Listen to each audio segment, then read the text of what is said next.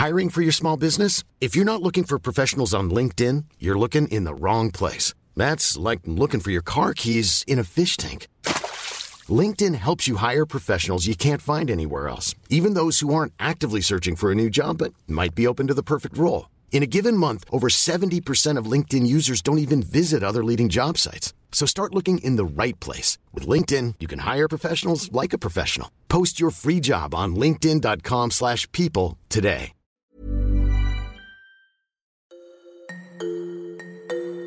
Altså, jeg kan faktisk mærke det på mig selv, når jeg siger til mine børn, at de skal melde sig til en fritidsaktivitet. Og så kan jeg godt finde på at sige til dem, og det er jo ikke sådan noget ligesom et fitnesscenter. Nu er du forpligtet til at møde op hver søndag. Danmark er blandt de lande i verden, hvor den største del af befolkningen engagerer sig frivilligt. Men nu taler flere om, at vi i Danmark har en frivillig krise. I dag ser vi på, hvordan måden at være frivillig på, den har ændret sig. Jeg hedder Karoline Tranberg, og du lytter til Altinget Azure. Jeg hedder Gitte Ballenstad, og jeg er redaktør på Altinget Civilsamfund, og der skriver jeg til daglig rigtig meget om foreninger og selvfølgelig også om frivillighed. Gitte, hvis du skal beskrive en typisk dansk frivillig, er der så en bestemt person, du kommer til at tænke på? Der er faktisk mange forskellige personer, men øh, hvis jeg skal begrænse mig, så vil jeg gerne beskrive to forskellige personer, der kommer op som den typiske danske frivillige. Og den ene, hun hedder Bente, og hun er frivillig i en genbrugsbutik, og der har hun fast hver måned et antal vagter, og hun kommer dernede, fordi det er rigtig hyggeligt, fordi hun kender de andre frivillige, og fordi at hun ved, at overskuddet fra genbrugsbutikken går til et godt formål, som hun står indenfor. Og så er der, øh, vi kan kalde hende Camilla, som er i turene, og hun er frivillig i en, lad os sige, en klimaorganisation, og det er mere sådan øh, lidt aktivist-frivillig, hvor man ikke nødvendigvis sidder i en bestyrelse eller er en del af en arbejdsgruppe. Men Camilla, hun dukker op, når der er demonstrationer, og hun gider også godt at måske få nogle andre af sine venner til at komme til demoer og male banner. Måske har hun et studie, som gør, at hun kan være sådan somi-ansvarlig. Men hun har ikke sagt ja til noget mere end den næste demonstration ude i fremtiden. Det er jo to ret forskellige typer frivillige. Kan man sige noget fælles om dem, eller er det ligesom sådan, landskabet af frivillige i Danmark ser ud? Landskabet af frivillige i Danmark er meget forskelligt, fordi der er så mange frivillige i Danmark. 40 procent af danskerne arbejder frivilligt, og det har faktisk været konstant i de sidste 12-15 år. Så det siger sig selv, at øh, der heldigvis er plads til mange flere end Camilla og Bente. Hvis vi snakker om alder, så kan man sige, at den gennemsnitlige frivillige enten er mellem 60 og 69 år, eller mellem 16 og 29, jeg vil tro, at dem, der tæller op i statistikken her, det er sådan nogen, som for eksempel er festivalfrivillige, eller som er frivillige, hvis idrætsforeningen i deres lokalområde har brug for nogen til et løb eller til en festival. Hvis man skal sige noget ens om Camilla og Bente, så er det, at de faktisk gør det, de gør, fordi noget er større end dem selv. Altså, øh, Camilla, hun synes, at klimaet faktisk er så vigtigt, at hun godt vil bruge sin fritid gratis på det. Og Bente, hun synes, at det, hun støtter for eksempel ud i verden, ved at stå nede i genbrugsbutikken og generere overskud til det, det er også noget, hun har pligt til at støtte. Der er en frivillig organisation, der hjælper handicappede i at yde idræt. Og det var egentlig der, det hele begyndte, altså, hvor jeg blev inspireret. Altså, min farmor og farfar har åbnet Danmarks første genbrugsbutik og har lagt mange år i det. Og jeg har ja, hjulpet som barn i butikkerne. Og begge mine forældre har også været frivillige gennem spejderorganisationen, så jeg tror, det har været meget sådan inde i familien. Noget, der er interessant, der adskiller de to grupper, er, at den yngre frivillige vil i højere grad være såkaldt episodisk frivillig, mens den ældre frivillige er fast frivillig. Det episodisk frivillige dækker over, at man ikke melder sig fast til at dukke op til et møde, som har en fast frekvens. Hvad er det så, problemet omkring øh, frivillighed i dag er, Gitte? Der er i hvert fald nogen, der har gjort sig den i agtagelse, at frivillige fra nogle generationer og aldersgrupper, de opfører sig anderledes end frivillige fra nogle andre generationer. Og hvad er det for nogle iagttagelser? Jamen, det er jo det her med, at der lige nu er cirka lige mange, der er såkaldt episodisk frivillige, som der er faste frivillige eller kontinuerligt frivillige. Og det betyder jo, at hvor man før i tiden kunne regne med, at hvis nogen sagde, ja, jeg vil gerne være med i den her forening, så havde man dem øh, langt ud i fremtiden, og de dukkede op, øh, når man sagde, at de skulle komme til et møde, eller til en træning eller en aktivitet. Og det kan man ikke regne med mere. Og ved vi, hvad årsagen er? Hvis man kan sige, at der er et problem omkring frivillighed nu, så er det måske, at øh, der er primært to grupper af frivillige, hvis man ser på det generationsvejs, som opfører sig markant anderledes end de ældre grupper. Og den ene gruppe, det er de helt unge, som meget nødig vil forpligte sig til nogen som helst og til noget som helst. Og det betyder også, at det her med, hvor meget tid man ligesom giver til at stå i en genbrugsbutik eller et madspilsupermarked, der vil man meget nødig sige, at jeg kan tage tre vagter om måneden. Og den anden gruppe, som er den, jeg selv tilhører, som er øh, generation øh, X, det er sådan nogen, som er vant til, at vi er meget små generationer, så vi er vant til at blive kælet lidt for at blive motiveret og tiltrukket af, ej, det kunne også være fedt, hvis vi lige har, at vi har brug for dig. Det er lige dig, der skal komme hen til vores øh, organisation. Har vi en frivillig krise? Jamen, det kommer jo an på, hvem du spørger. Der er i hvert fald nogen, som oplever, at de har behov for flere frivillige, end dem, de kan tiltrække. Så de oplever en krise. Man kan så sige, at når vi på 12. eller 15. år i træk har det samme antal frivillige, som bare er det på en anden måde, end man er vant til, øh, så vil nogen også anholde, at der er en krise.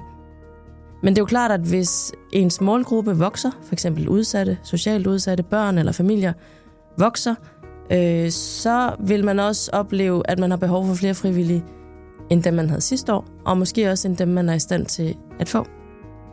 Og den måde, de oplever problemet på, er jo, at den slags frivillige, de leder efter, de tænker og opfører sig måske ikke på samme måde, som frivillige gjorde før i tiden, eller som de selv gør. Så de gør måske nogle ting, de selv vil bide til bolle på, hvis det var dem, der skulle rekrutteres, men som ikke er attraktive for dem, de gerne vil tiltrække nu. De skal tænke, at de nye frivillige tænker på en anden måde, end de selv gør. Gitte, hvad vil det betyde for Danmark, hvis vi havde en frivillig krise?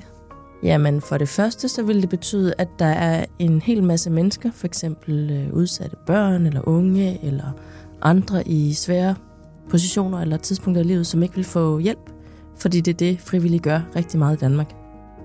Og på en lidt større klinge, så vil det også betyde, måske at vores demokratiske dannelse vil blive svækket, for det, det er jo i frivillig Danmark, i foreningslivet, at vi lærer, hvordan man lever et demokrati, hvordan man løser uenigheder, træffer beslutninger, hvor der er modsatrettede interesser.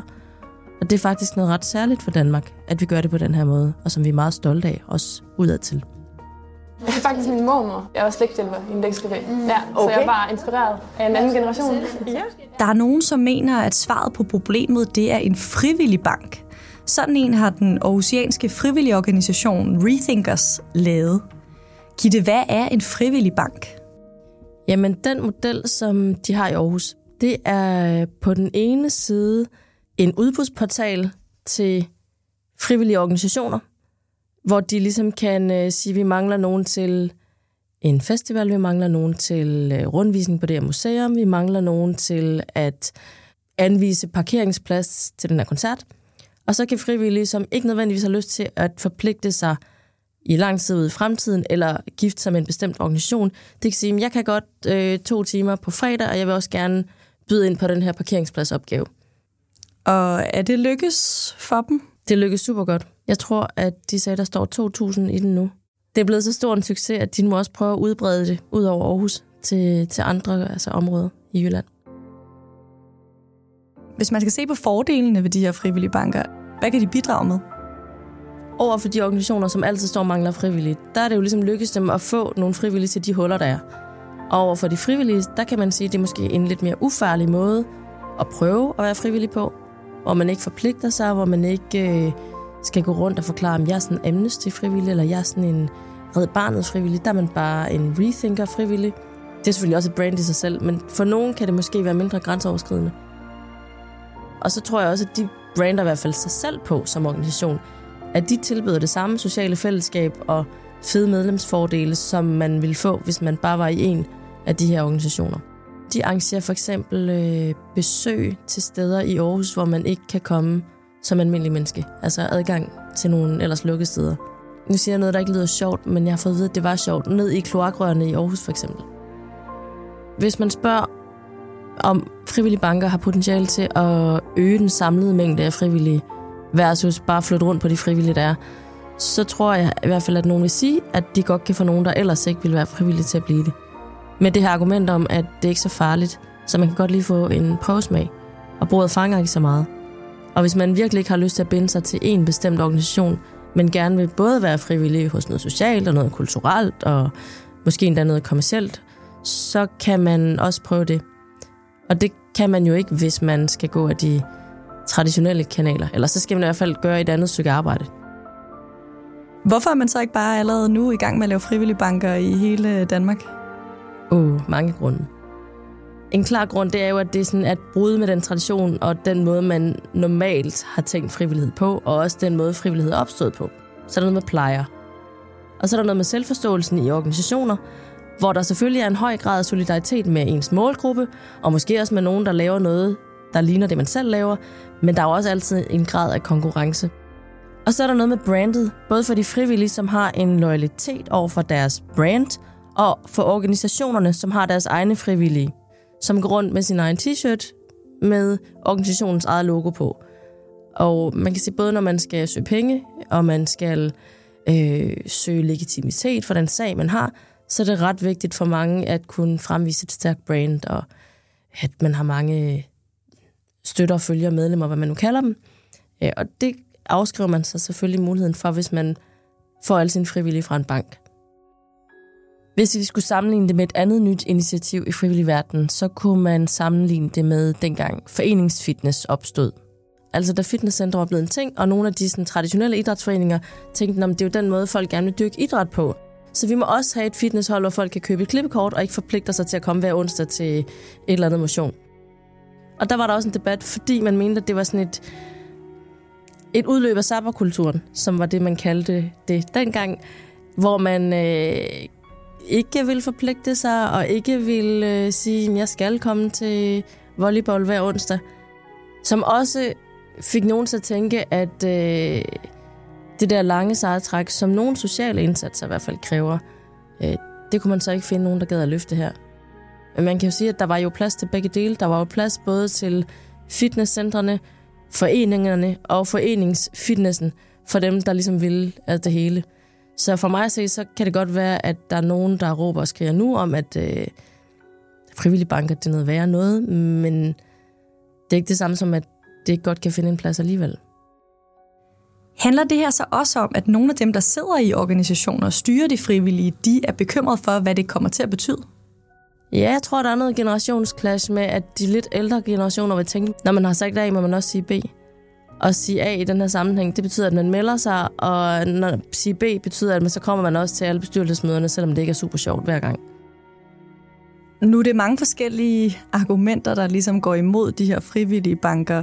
Er der i frivillig verden flest, som synes, det er en god idé eller en dårlig idé? Hmm, jeg vil gerne svare på det om fem år. altså, jeg tror, hvis man kigger på mit LinkedIn-spor fra de der artikler, som jeg skrev om det her emne, så er der overvejende nogen, der synes, at det er spændende, og de gerne vil udforske det, og de vil gerne afprøve det.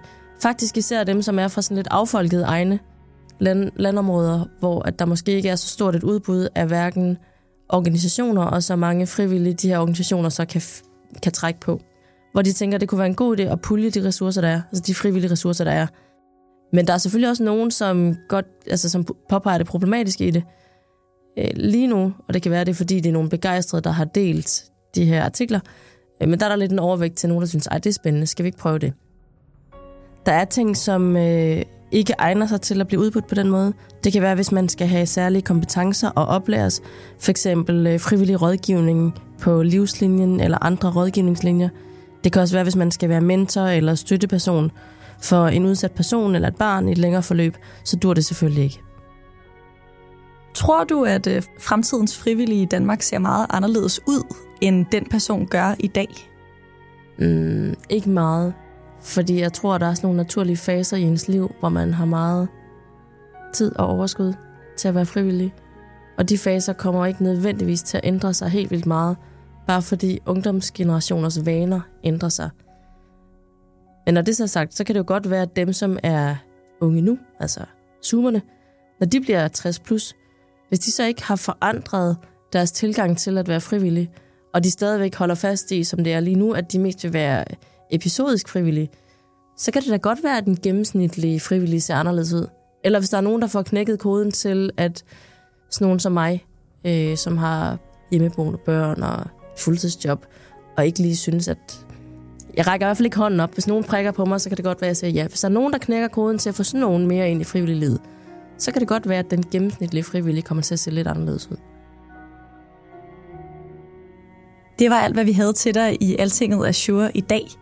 En lille anbefaling til dig, der skal på folkemøde i næste uge, det er, at jeg rykker podcaststudiet og Azure med over til Allinge. Og her har jeg inviteret en række forskellige kendte ansigter fra den offentlige debat til at øh, være med i Azure Live.